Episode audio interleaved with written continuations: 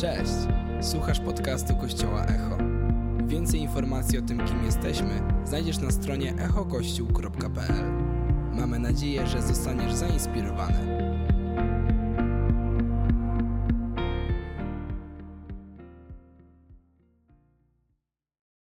Jak to dobrze i miło, gdy bracia w zgodzie żyją. Kochani, mam na imię Daniel, jestem pastorem tego kościoła i mam wielki zaszczyt podzielić się Bożym Słowem. Mam nadzieję, że um, mieliście dobry czas uwielbienia. Amen. Oddaliśmy Bogu to, co się Mu należy, a teraz weźmiemy od Niego to, co On ma dla nas. Jesteśmy w serii, mm, w serii, którą pastorzy kochają najbardziej i po prostu najłatwiej im się głosi w tym temacie, w serii Finanse. Rozmawiamy szczerze o pieniądzach i, i powiem wam, że dostaję wiele, wiele feedbacku, wiele dobrych wiadomości z powrotem do mnie dociera od ludzi, którzy są wdzięczni za to, że szczerze i otwarcie nauczamy o pieniądzach, bo w naszym kraju wcale to nie jest takie oczywiste. Amen? Więc jak się zgadzacie ze mną, to przybijcie mi piątkę, żebym się czuł ok w tym temacie. No, Oczywiście ja wiem, że ten temat jest ultra ważny i zaraz powiem dlaczego, ale jak wy będziecie to potwierdzać ludziom, którzy są może pierwszy raz i myślą sobie, wow, przyszedłem do pieniądzach, nie mogę... tra- Wróć. Przyszedłem do kościoła, trafiłem na serię pieniądzach, spodziewałem się tego. E, więc słuchaj, jeśli jesteś pierwszy raz w tym kościele, to nie, nie co tydzień głosimy o pieniądzach. E, Raz na jakiś czas mamy serię o tym, ale zanim wyjdziesz, pozwól, że dokończę i zobaczysz, dlaczego o tym w ogóle głosimy. Dlaczego seria o finansach? Po pierwsze, dlatego, że Jezus nie unikał tego tematu i z odwagą nauczał o tym wszystkich ludzi wokoło. Po drugie, jeden z, y, y, jeden z, jednym z głównych powodów, dla którego rozpadają się dzisiaj małżeństwa w naszym kraju, jest, są nieporozumienia na tle finansowym. Jest to czwarty powód, dla którego rozpadają się małżeństwa w naszym kraju. Po trzecie, jest wiele mitów i stereotypów dotyczących pieniędzy, które warto zweryfikować i tydzień temu obalaliśmy mity. Jeśli nie byliście tydzień temu, zapraszam was, odsłuchajcie kazania, jest dostępny na Spotify. I czwarty temat, i dzisiaj o tym będziemy bardzo mocno mówić. Wolność finansowa nie jest przypadkiem, ale jest planem Boga dla każdej osoby. Amen? Będziemy mówić o wolności finansowej. Dzisiejsze kazanie niektórym z Was może się kojarzyć, e, może się nie kojarzyć z kazaniem. E, będzie bardzo praktyczne, bardzo e, konkretne i posiada wiele wskazówek, które warto w swoim życiu przemyśleć. Nie powiem od razu zastosować, bo każdy z Was ma swoje wyobrażenia na temat finansów, ale dzięki Bogu w Biblii jest zbyt wiele fragmentów dotyczących pieniędzy i naszego życia, żeby z nich nie korzystać i ta seria właśnie jest o tym. Ok, jesteście gotowi? Lecimy? Fenicjanie wymyślili pieniądze. Tylko dlaczego tak mało? Wielu ludzi się nad tym zastanawia. E, W Ewangelii Łukasza Jezus Chrystus kiedyś powiedział mm, piękne, piękne słowa. Bo kto z was, zabierając się do budowy wieży, nie siada najpierw i nie oblicza kosztów, który, czy, czy wystarczy mu na jej wykończenie? Um, bo gdy się okaże, że zabieramy się do budowania naszego życia, ten fragment, kontekst tego fragmentu oczywiście dotyczy podążania za Jezusem. Ale jeśli Pan Jezus używa tego fragmentu do tak ważnej sfery jak nasze duchowe życie i wieczność, myślę, że ten sam fragment możemy zaadoptować do innych sfer naszego życia. Bo kto z nas zabiera się do budowania naszej, naszego, naszego, naszej mądrości finansowej bez obliczania kosztów, bez przygotowania się do tego lepiej. Więc chciałbym Was zachęcić, żebyśmy dzisiaj, dzisiejsze kazania potraktowali jako przemyślenie tego, czy my w ogóle mamy dobre myślenie na temat pieniędzy w naszym życiu i co Biblia w ogóle na ten temat mówi. Celem Boga jest wolność w każdym obszarze Twojego życia, a wiemy, że wielu z nas, każdy z nas tak naprawdę zmaga się właśnie z brakiem wolności finansowej. Jeśli mówisz, mnie, pieniądze nie obchodzą, nie mam pieniędzy, to najczęściej myślisz o tym, skąd je wziąć, żeby utrzymać swoje dzieci, swoje rodziny. Możesz nie mieć pieniędzy i ciągle o nich myśleć. Jeśli masz za dużo pieniędzy i nie wiesz, co z nimi zrobić, myślisz sobie, jak uchronić swój majątek przed, przed, przed e, inflacją, która szaleje, przed, przed złodziejami, przed ludźmi, którzy chcą mnie oszukać. Więc Czy tak, czy jesteś biedny, czy jesteś bogaty i tak ciągle myślisz o pieniądzach. Możesz mówić, że ten temat nie jest dla ciebie ważny, możesz mówić, że nie przykładasz do tego odpowiedniej wagi, ale chcesz, nie chcesz, ciągle, ciągle w twojej głowie toczy się myśli dotyczące sfery finansowej. Wiecie, żyjemy w takiej kulturze, to jest na samym początku chciałem bardzo jasno zaznaczyć, Przepraszam, że ja będę się trochę tak szybciej mówił, więc jak słuchasz tego na Spotify, możesz pewnie zwolnić to, a was proszę o, o to, żebyście y, szybciej mnie słuchali, ok? Dopasujcie swoje tempo. Ja mam dzisiaj aż trzy kartki. Ja mam dzisiaj trzy kartki, a mam tylko 25 minut, lecimy z koksem. Po pierwsze, po pierwsze żyjemy w kulturze, która wmawia nam, e, że nowe rzeczy dadzą ci szczęście. Zgodzicie się z tym? Czy są marketingowcy na tej sali? Nikt się nie chce przyznać. O, jest jeden.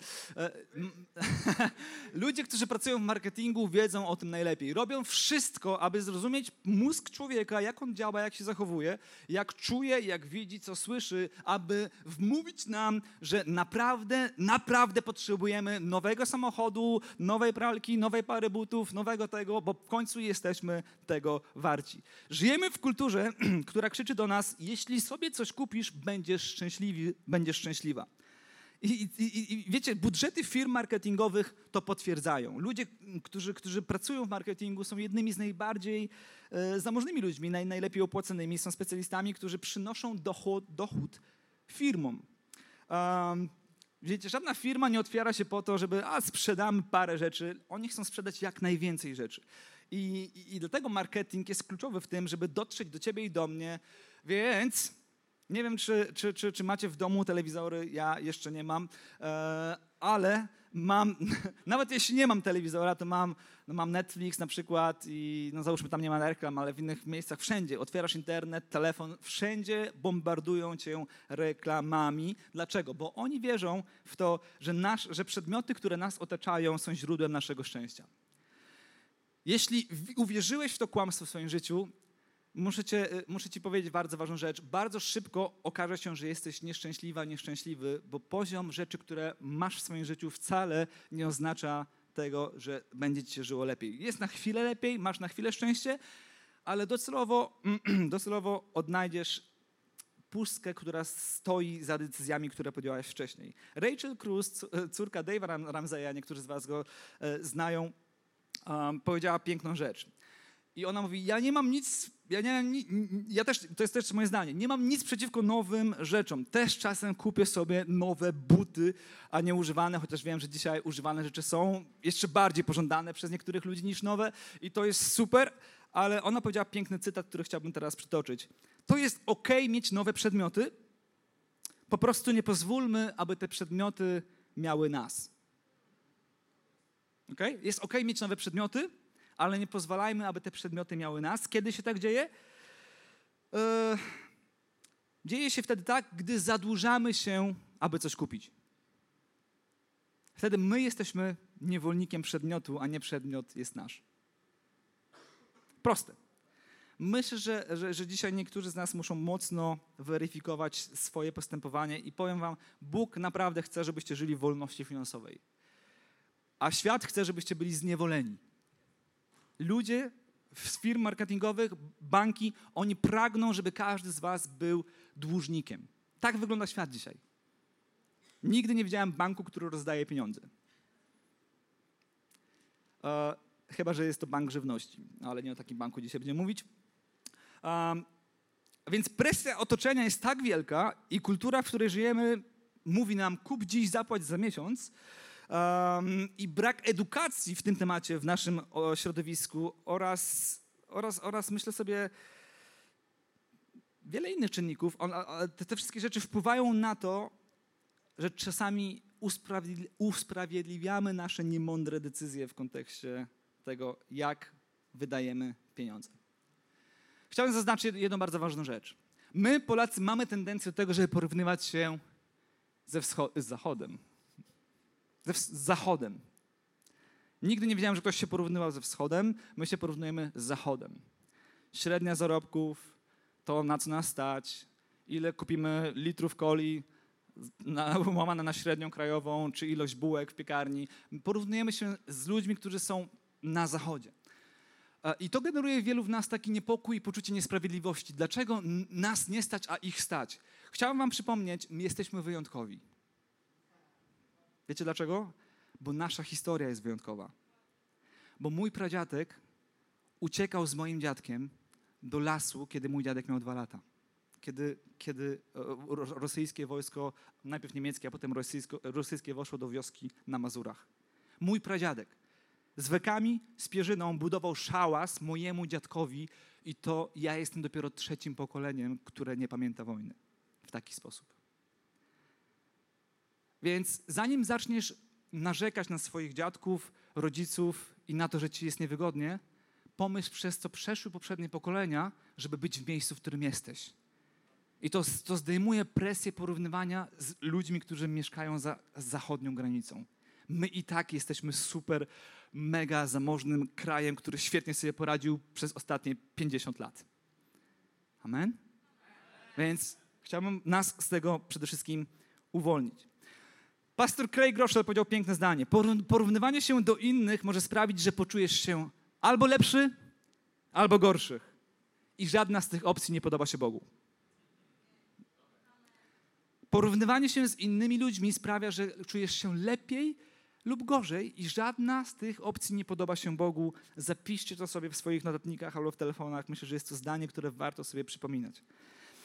Wiecie, finanse jeszcze to jest taki piękny temat. To jest jedyna sfera w Twoim życiu, w którym wszystko tak klarownie i ładnie można sobie policzyć.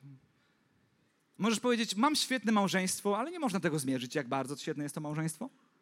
Możesz powiedzieć, mam e, gorszy czas z Bogiem, ale nie do końca wiemy, co to znaczy, że jesteś na duchowej pustyni. Nie można tego zmierzyć miernikiem duchowości. Ale jeśli powiesz, mam tyle i tyle na koncie, wydałem tyle i tyle, albo zarobiłem tyle, cyfry nie kłamią. Więc jest to najprostsza dziedzina w Twoim życiu, żeby zacząć nią zarządzać. Bo daje najlepszą przejrzystość i klarowność. Amen? Tak, tak właśnie jest. Mnie to zachęca. Mnie to zachęca, że tylko moje lenistwo ogranicza mnie od tego, żeby zająć się tym porządnie. Mam dzisiaj trzy bardzo ważne punkty. Pierwszy z nich chciałbym skupić się na mądrości w wydawaniu. Sprawdziłem na własnym przykładzie, nie ma pieniędzy, których nie jestem w stanie wydać. Uwierzcie mi. Nie ma pieniędzy, których nie jestem w stanie wydać. Im więcej zarabiałem, tym więcej wydawałem. Powiem wam, że jestem trochę zestresowany dzisiaj, bo, bo, bo nie wiem, jak to tak się złożyło. Akurat e, na sali siedzi mój teściu.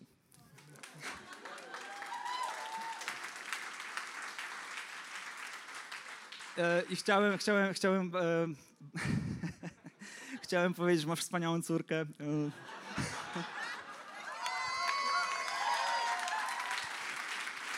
Ale wykorzystam ten moment Wykorzystam ten moment, aby powiedzieć tak, tato, gdyby nie ty i nie twoje realistyczne podejście do finansów, moje życie było, ja nie byłbym pastorem po pierwsze. E, tak, bo dzięki temu, że ty byłeś mądry i kupiłeś swojej córce mieszkanie, kiedy ja jeszcze nie byłem jej mężem, e, ja mogłem z odwagą wchodzić w właśnie, bo z odwagą, może z lękiem, ale mogłem wchodzić w powołanie, które Bóg przy nam zostawił, bo nie musiałem się martwić tym, czy będzie mi stać na mieszkanie. Więc Twoja mądrość i Twoje błogosławieństwo przyczyniło się do tego, że wszyscy tu jesteśmy w jakimś aspekcie, a, a, a właśnie, a wstrzemięźliwość Twojej córki mojej żony zawsze uczyła mnie tego, że oprócz tego, że się chodzi z głową w chmurach, stąpa się na, po ziemi, więc naprawdę jestem Bogu wdzięczny za Ciebie. Um, Wiele się od ciebie nauczyłem w życiu. E, to nie jest wazelina. Wiele się od ciebie nauczyłem. imponujesz mi wielu, wielu, Często nie rozumiałem tego, często się z tym nie zgadzałem, ale im bardziej jestem starszy, tym bardziej doceniam. Widzę, jak głupi byłem, e, ale Pan Bóg mnie zmienia, daje mi serce pokorne i... i... Amen. Amen. Ktoś powiedział, wystarczy. Więc sprawdziłem na własnym przykładzie. Zarabialiśmy z żoną razem 4 tysiące, wszystko wydawaliśmy. Zarabialiśmy 6 tysięcy, wszystko wydawaliśmy. Zarabialiśmy 8 tysięcy, wszystko. 10, wszystko. Powiem, wszystko da się wydać. Wszystko da się wydać. Easy. Easy. Ile nie zarobisz, tyle wydasz. I kiedy zacząłem studiować y, ten temat finansów, powiem wam, że to jest najdłuższe kazanie, do którego się przygotowywałem. Ilość podcastów na temat finansów, które wysłuchałem, można liczyć w godzinach, y, jak nie kilkudziesiąt godzin żeby powiedzieć wam to, więc już się stresuję, że nie wszystko zdążę, leci, lecimy z koksem. Um, więc bądźmy mądrzy w wydawaniu. Co to znaczy? Wiecie, powstrzymywanie się od wydawania pieniędzy jest dla niektórych trudne, ale spójrzmy na prosty i soczysty przykład. Znacznie łatwiej jest nie wydać tysiąca złotych, niż go zarobić. Prawda? Znacznie łatwiej jest nie wydać tysiąc złotych, niż go zarobić. Powiem wam coś bardziej odkrywczego i teraz ci wszyscy z was, którzy nie macie na koncie 100 tysięcy złotych, poczujecie się dużo lepiej. Na chwilę. Łatwiej jest, uwaga, łatwiej jest zaoszczędzić 500 zł miesięcznie i po roku mieć 6 tysięcy złotych, niż mieć 100 tysięcy na koncie i znaleźć lokatę czy oprocentowanie, które po roku da ci 6 tysięcy z tych 100 tysięcy. A? Jeszcze raz? U, dobra, jeszcze raz. ok, powoli. Łatwiej jest odłożyć 6 tysięcy złotych 12 razy 506 niż mieć 100 tysięcy na koncie i w czasach tak dużej inflacji znaleźć lokatę czy instrument finansowy, który ci przyniesie 6 tysięcy z tych 100 tysięcy. Przy tej inflacji twoje 100 tysięcy za rok będzie warte 90 albo 80. E, więc chciałbym zachęcić wszystkich z Was, którzy może lekceważą małe oszczędności. Bo sztuką jest e, obrócić dużymi pieniędzmi. To też zajmuje czas, znalezienie odpowiednich rzeczy. Nie jestem w tym specjalistą, uczę się, ale to jest prosty przykład, który ma zachęcić nas do, tego, do, do systematycznego odkładania. John Maxwell powiedział piękną rzecz. Zrobić budżet to wskazać swoim pieniądzom, dokąd mają iść, zamiast zastanawiać się, gdzie się rozeszły. I to są piękne, złote rady. Pierwsza rada: zapłać sobie. Wiecie, jestem fanem podcastów dotyczących e, mądrego zarządzania pieniędzmi. Nie chciałbym reklamować, ale jest taki jeden człowiek, Marcin Iwódź, który, który, który mnie inspiruje w tym temacie. Możecie sobie słuchać jego podcasty. E, pozwoliłem sobie zaciągnąć, zaciągnąć kilka inspiracji z niego, nawet przeczytam, przeczytam coś z tej, z tej jego mądrości, bo to są tą bardzo praktyczne, młode, mądre wskazówki. I w jednym z artykułów on napisał coś bardzo mm, ciekawe, ciekawego. Ja to przyrobię na wersję taką naszą kościelną, bo wiecie, jesteśmy w kościele. E, więc tak, gdyby do szczerego proroka przyszedł młody Kowalski i ich, dia ich dialog zapewne wyglądałby tak. Taki typowy Kowalski. Do 40 roku życia będziesz ciężko pracować, nic nie odłożysz, będziesz mało zadowolony z życia i zrezygnujesz z wielu marzeń. Jeszcze raz? Do 40 roku życia będziesz ciężko pracować, nic nie odłożysz, będziesz mało zadowolony z życia i zrezygnujesz z wielu marzeń. O kurczę, to kiepsko. To potem, co potem będzie się działo? Potem przyzwyczaisz się do tego. Ja wiem, że my się na to nie zgadzamy, super, ale jest wielu ludzi, którzy się na to zgadzają. Dlaczego te słowa są e, samospełniającą często się przepowiednią? Wynika to z badań i z obserwacji ludzi, którzy badają temat pieniądza. I ten, ten człowiek zaznaczył w swoim artykule bardzo ciekawą obserwację. Podzielił ludzi na trzy kategorie i bardzo pięknie ich opisał. Pierwsza z nich, jesteśmy w punkcie mądrość w wydawaniu. Pierwsza z nich dotyczy Kowalskiego, który reprezentuje kategorię ludzi nazwaną beztroski przekaźnik. Już tłumaczę. Przekaźnik to człowiek, który zazwyczaj bardzo ciężko pracuje, otrzymuje pensję lub dochody z własnej działalności, a potem natychmiast wszystkim płaci. Właścicielom sklepów, restauratorom, fryzjerowi, krawcowej, ekipie remontowej, producentowi telewizorów, posiadaczom nieruchomości, dostawcom mediów, sprzedawcom wycieczek, dealerom samochodowych itd., itd., itd. I jest tak bardzo mocno pochłonięty przekazywaniem tych pieniędzy, że sobie i własnej rodzinie nie zostawia ani grosza w formie oszczędności. Jego finansowe motto brzmi: Nie oszczędzam, bo nie mam z czego. Im więcej zarabia, tym więcej wydaje. A co najciekawsze, jest przekonany, że wszystko u niego w porządku. Daniel Różański, rad, lat 25. Wszystko było w porządku. Dlatego dalej beztrosko prowadzi konsumpcję i nawet nie wie, że do bankructwa wystarczy kilka tygodni życia po utracie zarobków. Ale przecież takie rzeczy zdarzają się tylko innym, nie mi. Ja mam Boga.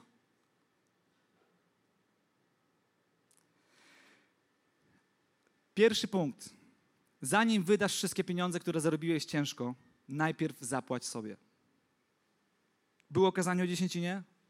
Nawet nie mówię o tym. Pan Bóg jest pierwszy, ale po dziesięcinie najpierw odłóż dla siebie. Tak naprawdę nie, nie odkładasz dla siebie, tylko odkładasz dla swoich dzieci. Odkładasz dla swojego poczucia bezpieczeństwa, dla swojej mądrości, że jak ci zepsuje samochód, pralka czy cokolwiek, to masz, a nie szukasz, nie bierzesz pożyczki, chwilówki i tak dalej. Ja wiem, że, że to, co mówię dla niektórych z was jest, pastorze, po co takie oczywiste rzeczy mówisz? Ale chciałbym powiedzieć, że są na tej sali ludzie, którzy może tak jak ja w wieku 25 lat tego nie wiedzieli, bo w moim domu tego mnie nie nauczyli. Więc myślę, że ta mądrość może być przydatna, zwłaszcza dla młodego pokolenia, albo dla osób, które może są starsze, ale ciągle utożsamiają się z tym, że są przekaźnikami pieniędzy. I nieważne wtedy, ile zarabiasz. 5 tysięcy czy 100 tysięcy, i tak jesteś biedny, bo wszystko przekazujesz dalej. Nie ma tu nic wspólnego z tym, ile zarabiasz, tylko z tym, ile potrafisz odłożyć. Bo przez pierwszy sezon swojego życia ty zarabiasz pieniądze, a mądrzy ludzie dbają o to, żeby kolejne sezony twojego, twojego życia, żeby to pieniądze zarabiały na ciebie. I wtedy jesteś wolny finansowo. Nie jesteś uzależniony od szefa, od wypłaty, Gdybym, gdybym ja miał kredyt na mieszkanie, pewnie 6 lat temu nie wyjechałbym na kilka miesięcy do Australii, aby szkolić się, jak zakładać kościół. Byłem wolny finansowo. Dzięki mądrości i dziedzictwu ludzi, którzy są, mam zaszczyt dzisiaj być w ich rodzinie. Ale to jest mądrość, do której chciałem Was zachęcić. Scenariusz i punkt drugi: mądrość w kupowaniu. Okay? Raz w życiu skusiłem się na kartę kredytową, a kiedy ją otrzymałem, byłem z siebie tak dumny, że jestem wiarygodnym dłużnikiem dla banku. Czy ktoś z Was się utożsamia z tym? Wiem, że, nie, że to jest ten wstyd, Karusia. Dzisiaj miałaś to słowo, wstyd. Ja dzisiaj będę mówił o wstydzie, o swoim wstydzie, ale myślę, że niektórzy z Was się też utożsamią z tym. Ale serio, cieszyłem się z tego, że stać mnie na to, żeby być dłużnikiem jak chore to jest i w jakim miejscu jesteśmy jako ludzie, że niektórzy z nas cieszą się, że stać ich na kolejną kartę kredytową.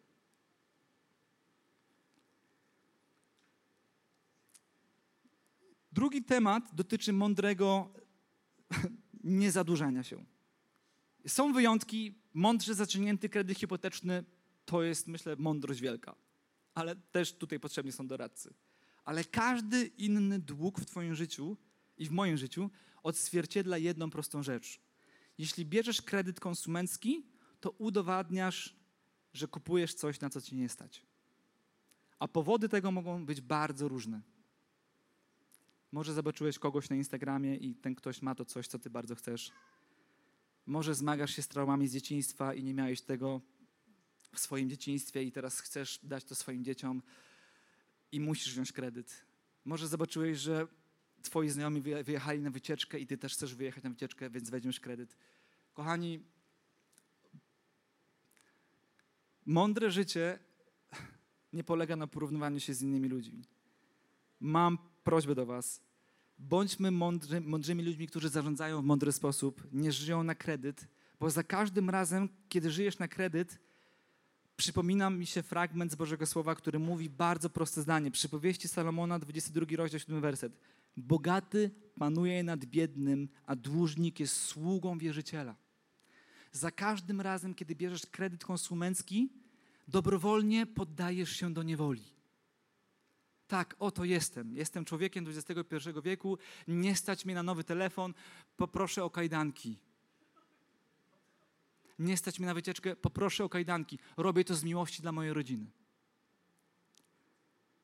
Ja, ja wiem, że niektórych z Was to boli, ale moje marzenie jest takie, żeby nikt z Was w tym kościele nie był zniewolony finansami. Są sezony w moim życiu, w naszym życiu, kiedy nas nie było stać na wiele rzeczy.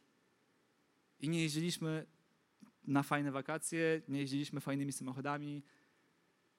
Nie. I, I moje marzenie jest takie, żeby w tym kościele nikt nie próbował przypodobać się komuś tylko dlatego, że coś ma albo na coś go stać. Bo to jest tak bardzo uwłaczające Bogu i Jego wartości w Tobie. Amen? To jest konfrontujące. Tydzień temu chwaliłem się, że będę, znaczy zapowiadałem, że będę się chwalił moimi najgłupszymi, naszymi najgłupszymi wydatkami w naszym życiu. Nie oczywiście nie zaprosiłem nikogo z was, ale jakby ktoś chciał z was podejść tutaj, to tam jest kolejka, ustawcie się, za chwilę będziecie podchodzić, będziecie mówić, jakie najgłupsze przedmioty kupiliście w swoim życiu. Ja tylko kilka dam. Maszyna do popcornu. Kto by nie chciał mieć kina w domu? Maszyna do popcornu, do popcornu kupiona w Biedronce. Wszystko było super do momentu, w którym okazało się, że nie można tam wlać oleju. Kupujesz maszynę do popcornu, myślisz, że jesz popcorn, jesz styropian. Użyliśmy tego z dwa razy w naszym życiu. Namiot.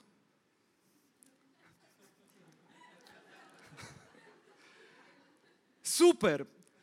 Ania z Marcinem, to przez was.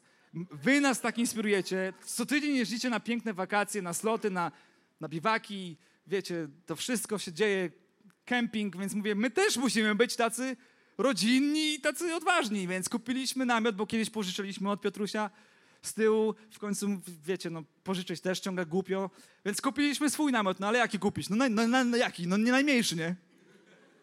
Bo przecież mamy, mamy, mamy prawie kartę dużej rodziny. To kupimy wielki namiot z dwoma, z dwoma sypialniami, no a jak kupisz namiot, no to po co ci namiot, jak nie masz stołu, krzeseł?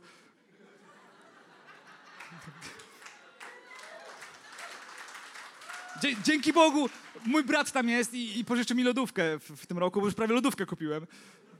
I wiecie co? Ten namiot, patrzymy na ten namiot, siedzimy w domu z moją żoną, patrzymy na ten namiot i czujemy poczucie winy, że go nie wykorzystujemy. I dzięki Bogu za ten namiot, bo mówimy, on musi się zamortyzować. Dobrze, jedziemy na biwak. I w tym roku pojechaliśmy pod namiot, żeby zabić swoje poczucie winy, że głupio wydaliśmy pieniądze. Więc, więc chwała Bogu, że Bóg potrafi obrócić wszystko ku dobremu, ale staliśmy się niewolnikiem namiotu. Na szczęście namiot można sprzedać. Gorzej z maszyną do popcornu. Trzeci zakup. Kupiliśmy jednorazowy basen. Tak, raz go użyliśmy. Basen, tak, pojechaliśmy do, do Adama, tak, piękny basen. Ja mówię, to też musimy mieć basen, no przecież, no. Nie jesteś nas na taki duży, kupimy mały. Biedny dwa razy traci. Kupiliśmy basen mały, postawiliśmy go, potem przeklinałem ten basen, bo mi niszczy trawnik. Po co mi basen, skoro mam potem, y, potem siać trawę? Nie no, basen był spoko. Dwa razy go użyliśmy. Raz, ale raz w sezonie, ale dwa razy się kąpaliśmy w nim. Znaczy nie wiem, czy ty w ogóle się kąpałaś. Ja z dziećmi raz się kąpałem, na pewno pamiętam, a drugi raz nie wiem. Nawet mój syn wie, nawet mój syn wie, że popełnił błąd.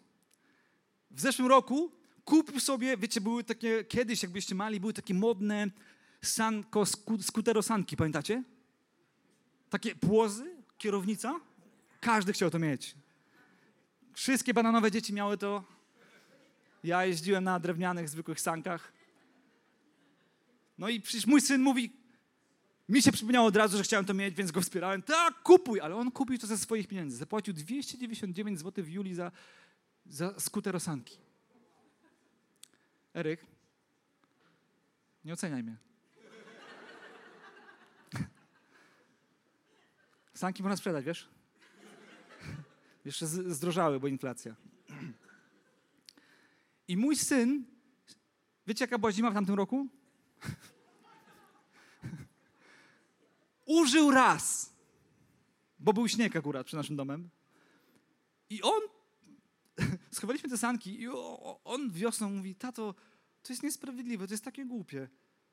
Kupiłem, takie drogi były te sanki i użyłem tylko raz. No, no synku, no przykro mi, że nie mieszkamy w górach. No ale tak jest. I on miał, jego stać było na to, żeby mieć taką autorefleksję. Wiecie, mój najgłupszy, najbardziej wstydliwy, uspra usprawiedliwiam to młodym wiekiem, kredyt. Mam nadzieję, że nie będziecie mi oceniać za bardzo. Miałem wtedy 26 lat albo 5. To był kredyt konsumencki na używany samochód. Uuu. A wiecie, jaki fajny był?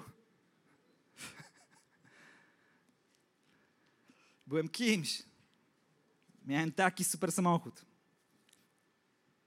I czytamy w tym artykule piękną rzecz. Druga kategoria ludzi. Elegancki niewolnik. Może ktoś z Was się w tym odnajdzie. Elegancki niewolnik stworzył piękną fasadę własnego życia. Dom lub mieszkanie w dobrej dzielnicy, luksusowy samochód, markowe ubrania, najlepsze restauracje, egzotyczne wycieczki. Na zewnątrz wszystko wygląda jak z bajki. Gdy jednak spojrzeć głębiej, okazuje się, że król jest nagi. Choć zarabia dobrze i pełni odpowiedzialne funkcje, jego styl życia pochłania tak wiele środków, że bez przerwy musi korzystać z kredytów. Szczyci się posiadaniem złotych i platynowych kart kredytowych, które uważa za symbol statusu, jest ulubieńcem banków. Jego motto finansowe: po co się ograniczać, lepiej cieszyć się życiem. Tymczasem powodów do radości z życia ubywa, a ograniczeń jest coraz więcej. Choć rosną jego zarobki, jeszcze szybciej przyrasta stres związany z wydatkami i z długiem. Dlatego pracuje coraz ciężej i ciężej, rezygnując z czasu dla rodziny, dla bliskich, bo trzeba sfinansować raty. Jest niewolnikiem, choć nigdy by się sam do tego nie przyznał. Trzecia, ostatnia rzecz. Mądrość w oszczędzaniu. Wiecie, na naukach przedmałżeńskich mój pastor nam to powtarzał. Odkładajcie niezależnie od tego, ile zarabiacie. Odkładajcie niezależnie od tego, ile zarabiacie. I to też sprawdziliśmy. Jeśli nie umiesz odłożyć zarabiając 2000 zł, jeśli nie nauczysz się wtedy, mówię do, do młodych ludzi zwłaszcza, jeśli nie nauczycie się odkładać zarabiając 3000 zł czy 4, nie będziecie umieli odkładać zarabiając 10. Serio. Sprawdziłem. Sprawdziłem. Daniel Różański, lat 28.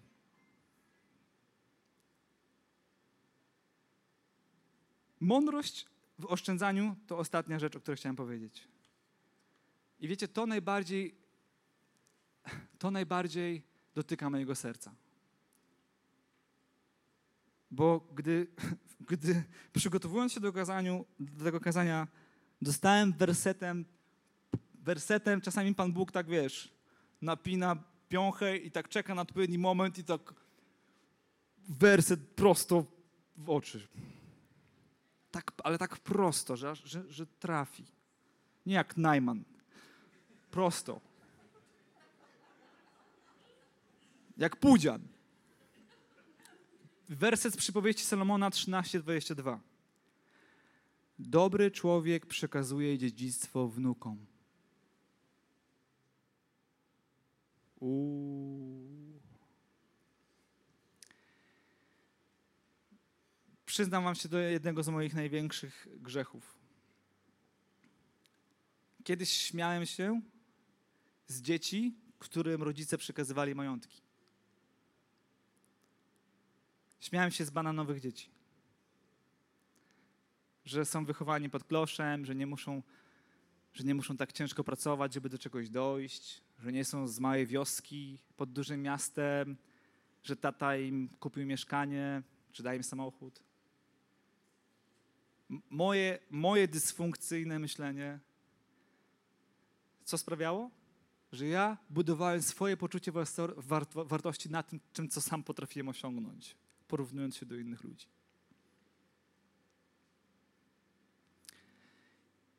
I chciałem naprawdę, żebyście mocno wczuli się w ten ostatni fragment. Dobry człowiek przekazuje dziedzictwo wnukom.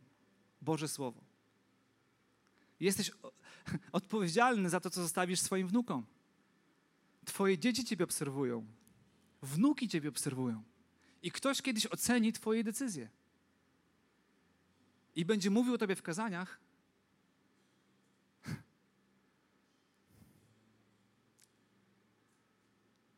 albo będzie unikał tematu, kiedy ktoś będzie się chwalił, jak z pięknego domu pochodzi. Przytomny realista to jest trzecia persona. Przytomny realista twardo stąpa po ziemi. Wie, że stan jego portfela w 100% zależy od niego. Nie od rządu, nie od płacy minimalnej, nie od wzrostu gospodarczego czy inflacji, nie od szefa, nie od doradcy finansowego, tylko w 100% od człowieka, którego widzi w lustrze. Dlatego konsekwentnie trzyma się prostej zasady. Nieważne ile zarabiam, ważne ile zostaje. Nieważne ile zarabiasz, ważne ile potrafisz odkładać. Żyje dla siebie, a nie na pokaz. Unika długów i płacenia odsetek, zaś wydatki trzyma pod kontrolą, ciągle się rozwija i aktywnie szuka sposobów na wzrost zarobków. Konsekwentnie gromadzi oszczędności i mądrze inwestuje. Z każdym kolejnym miesiącem jego sytuacja finansowa jest coraz lepsza, lepsza, a tempo bogacenia przyrasta wraz z upływem czasu, a czas mija szybko. Powiem wam, że kiedy słuchałem tych wielu podcastów, ci ludzie, którzy prowadzą te podcasty, często e, zapraszają, czy czytają maile od ludzi, którym pomogli. Bylibyście w szoku, ile historii zwykłych Kowalskich, ile wdzięczności zwykłych ko- Kowalskich jest w tych podcastach. Dziękuję, bo nie miałem tego w domu. Dziękuję, bo byłem niewolnikiem. Dziękuję, bo zmieniłeś moje myślenie. I ten człowiek nawraca ludzi.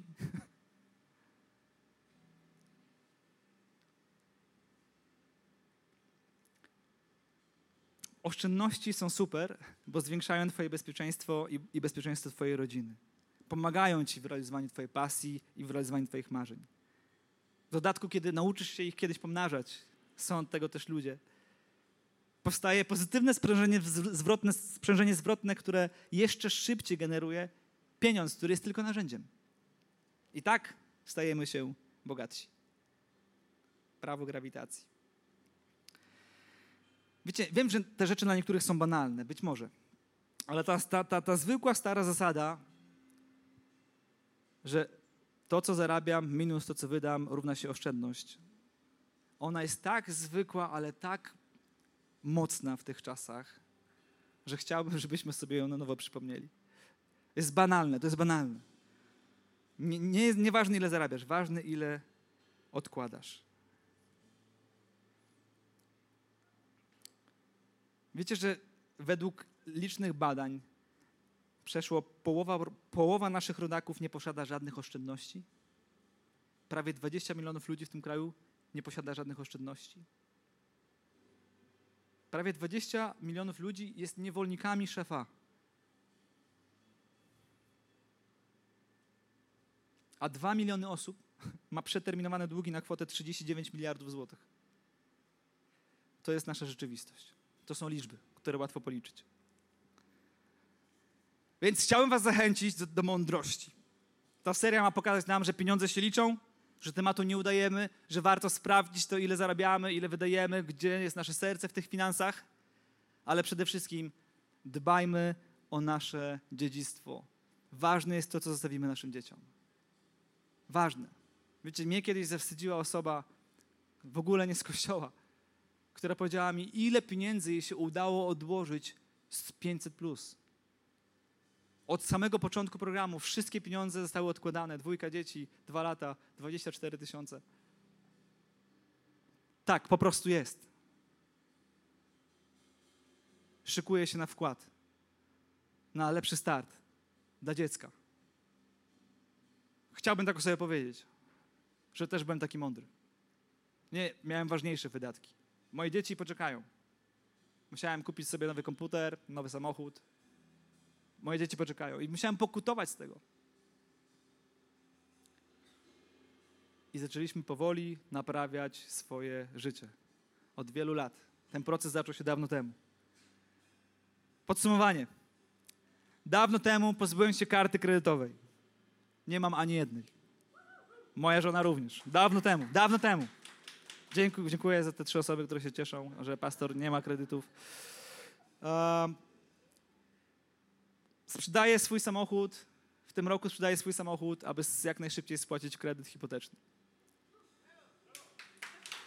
Brawo! Zbudowaliśmy solidny budżet domowy, którego się trzymamy, określiliśmy, co jest dla nas najważniejsze, chcemy mówić pieniądzom, gdzie mają iść. Dla nas najważniejszy jest Bóg, Kościół, ludzie i wycieczki. I w pierwszym, i w pierwszym, i to są pierwsze nasze wydatki. Kiedy idziemy do sklepu, mamy odliczoną kwotę nawet nie pozwalamy sobie kupić coś głupiego, coś przypadkowego. Do, do sklepu chodzimy na jedzenie. Nie głodni, bo jak jesteś głodny, to kupisz wszystko. Czasami niektórzy z nas muszą nauczyć się chodzić do sklepu z kalkulatorem albo po prostu z listą zakupów i z odliczoną kwotą w kopercie. Pomyśl sobie, nie będę się ograniczał. Serio, ty się nie ograniczasz. Ty dbasz o to, żeby twoje dzieci było stać na to, żeby zwiedzić świat. Zbudowaliśmy e, budżet domowy. Zaczęliśmy regularnie odkładać pieniądze na przyszłość naszych dzieci i mamy na to oddzielne konto, do którego nie mamy karty. I uwaga, na koniec, uczymy nasze dzieci, że pieniądze nie biorą się z bankomatu. I sam, na sam koniec chciałem pokazać wam jedno zdjęcie.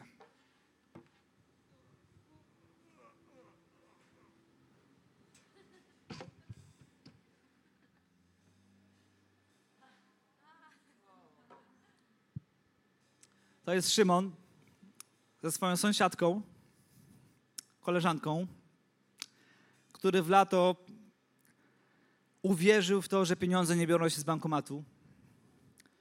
Kupił dwa kilo cytryny, pożyczył słoik od mamy, super świetny stolik, który kupiliśmy do namiotu. Wystawił stolik na chodniku i sprzedawał lemoniady.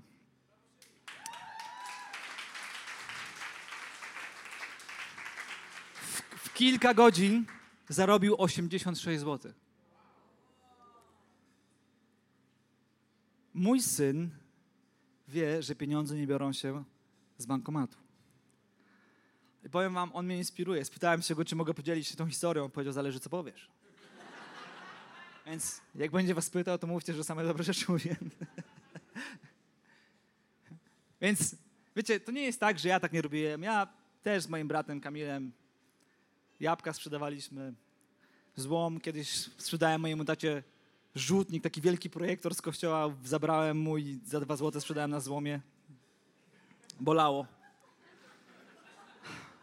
Miał plastikowe części, to bałem się, że złomiarze nie przyjmą tego rzutnika, więc wziąłem pałę i rozwaliłem te plastikowe części, więc zniszczyłem najpierw ten projektor, potem go za, za, zaniosłem tam. Kamil, pamiętasz? Jabłka na skup, ślimaki zbierałem. Gdy byłem na studiach, byłem hostessą. Wyobraźcie sobie. Roz, roznosiłem po domach pedigree, pali, KitKat, próbki. Kiedy, kiedy byłem na studiach, byłem, strach się przyznać, kurierem w firmie Avon. Samochód potrafił dojechać do każdej najmniejszej wioski w okolicy i tak zarabiałem na pieniądze, więc pomimo tego, że potrafiłem zarabiać pieniądze, nie potrafiłem ich oszczędzać. I dzięki Bogu dzisiaj jesteśmy w innym miejscu. I przepraszam, że tyle się przedłużyło to kazanie, ale chciałem wam powiedzieć to w całości. Czy możemy powstać? Um, I chciałem, chciałem teraz spytać was, tylko tak szczerze, nie musicie udawać. To kościół jest, w kościele nie wolno kłamać, więc... Do kogo z was to kazanie było może nie inspirujące, bo wszyscy podnieście rękę, ale kto z was po tym kazaniu czuje, że chce coś zmienić w swoim życiu? Czy możecie podnieść swoje ręce? Dzięki Ci, Jezus. Super. Myślę sobie, że Duch Święty dużo może zrobić przez tę serię kazań. I to wszystko, cel jest prosty, doprowadzić nas do wolności finansowej. Chciałbym, żebyśmy podnieśli nasze ręce, zwłaszcza te osoby, które, które potrzebują zmiany myślenia. To jest pokuta. Pokuta to zmiana myślenia w obszarze finansów. Pomódlmy się, aby Duch Święty dał nam siłę, mądrość odpowiednich ludzi, aby zmieniać nasze życie w odpowiedni sposób. Boże, dziękuję Ci za to, że Ty dajesz swoje słowo, dajesz mądrość. Dziękuję Ci, że uczysz nas mądrego zarządzania pieniędzmi, że, że mądry człowiek nie tylko chodzi z głową w chmurach, ale że też stąpa po ziemi, odkłada, oszczędza, wydaje mniej niż zarabia i uczy się ciągle pomnażać to, co dostaje. Dziękuję Ci za każde serce na tym miejscu, które, które potrzebuje zmiany w swoim życiu w obszarze finansów i modlę się, abyś otoczył każdego z nas odpo odpowiednimi ludźmi i narzędziami, determinacją i przede wszystkim celem, aby każdy z nas wiedział, dlaczego chce tej zmiany i co chce za 5 lat w swoim życiu zobaczyć, za 10 lat w swoim życiu zobaczyć, co chce zostawić swoim dzieciom? Czy długi, czy oszczędności. Modlę się o to, abyśmy byli mądrymi dziedzicami, ale też mądrymi, mądrze przekazywali ten, ten, ten majątek dalej naszym dzieciom i uczyli ich, jak pomnażać to, co dajesz nam.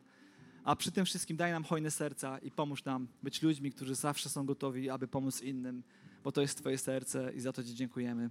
Amen. Amen, amen, amen. Dziękujemy, że byłeś z nami. Mamy nadzieję, że zostałeś zainspirowany. Więcej podcastów możesz posłuchać na naszej stronie echokościół.pl.